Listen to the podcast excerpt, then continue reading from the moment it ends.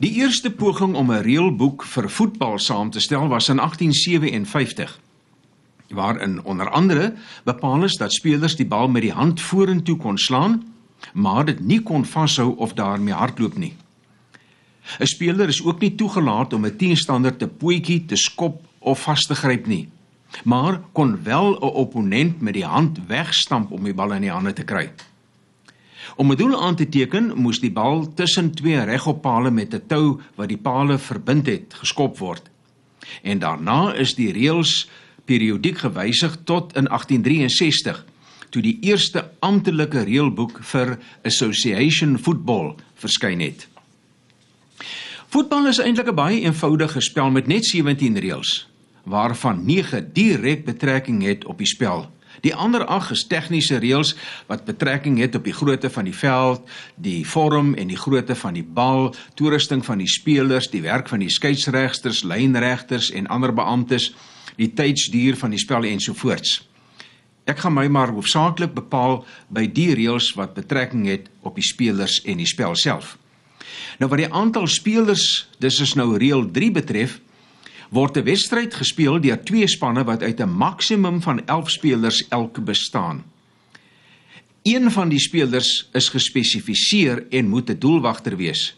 En die minimum aantal spelers waaruit 'n span mag bestaan om in 'n amptelike wedstryd te mag speel is 7. 'n Maksimum van 3 plaasvervangers mag in amptelike wedstryde gebruik word en die name van die plaasvervangers moet vooraf aan die skeieregter verskaf word. Ek kan maar net noem dat in nie amptelike of vriendskaplike wedstryde mag meer plaasvervangers tot 'n maksimum van 7 per span op die veld gestuur word.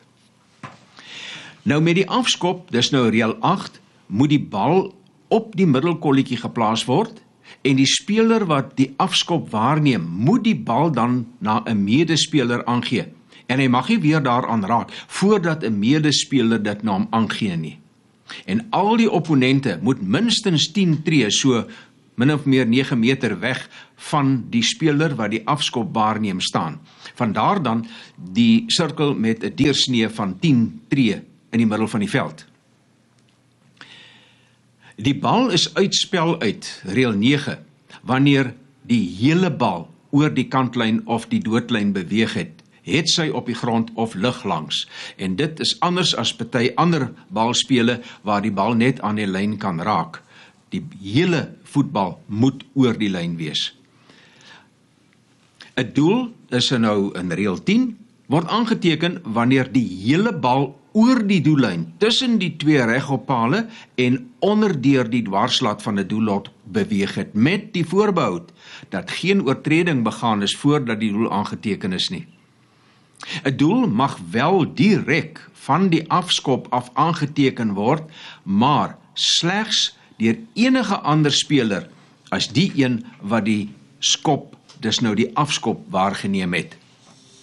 Jy sal onthou dat by die afskop moet die speler wat die bal afskop die bal na 'n ander speler aangee.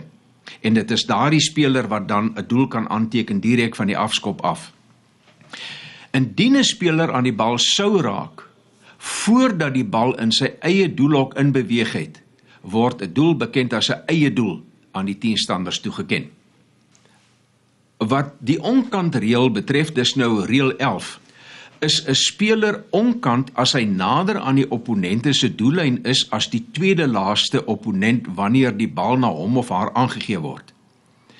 Die speler mag wel die bal agter die laaste opponent ontvang mits hy of sy wel aankant was toe die bal deur 'n spanmaat aangegee is. 'n Speler is egter nie onkant in die volgende gevalle nie: 'n ingooi van die kantlyn af, vanaf 'n hoekskop en wanneer 'n speler wel in 'n onkant posisie sou staan, maar nie deel is van die spel op daardie oomblik nie. En dan kan 'n speler ook net in sy teestanders se halfgebied onkant wees en nie in sy eie halfgebied nie. 'n Speler begaan 'n oortreding volgens reël 11. Indien hy of sy volgens die oordeel van die skeieregter onverskillig en of roekeloos teenoor 'n opponent sou optree of dat onnodige krag gebruik is. En die skeieregter kan dan 'n direkte vryskop toeken aan die opponente van die speler wat dan een van die volgende oortredings begaan het. Na 'n medespeler sou skop of probeer om na 'n medespeler te skop, 'n medespeler potjie of probeer om 'n medespeler te potjie. Gewoonlik is dit natuurlik dan die teenstander wat eintlik hier ter sprake is. Na 'n medespeler toe sou spring in plaas van na die bal wat in die lug is op 'n medespeler afstorm 'n medespeler sou slaan of probeer om 'n medespeler te slaan 'n medespeler of 'n opponent sou stamp en of terughou in 'n poging om hom of haar te verhoed om die bal te speel 'n opponent neerbring om die bal by hom of haar af te neem maar eers met die opponent kontak maak voordat hy aan die bal sou raak na 'n opponent spoeg en dan doelbewus met die hand of arm aan die bal raak met natuurlik die uitsondering van die doelwagter binne sy eie strafgebied. So dit is basies die oortredings op 'n voetbalveld. 'n Strafskop sal dan toegeken word indien 'n speler enige van die bostaande oortredings binne in sy eie strafgebied sou begaan afgesien van waar die bal op daardie oomblik is met dien verstande dat die bal natuurlik dan nog in spel is. En dan reël 5 die skeieregter beskik oor die volle gesag om die reëls van die spel tydens 'n wedstryd wat aan hom of haar toegewys is af te dwing.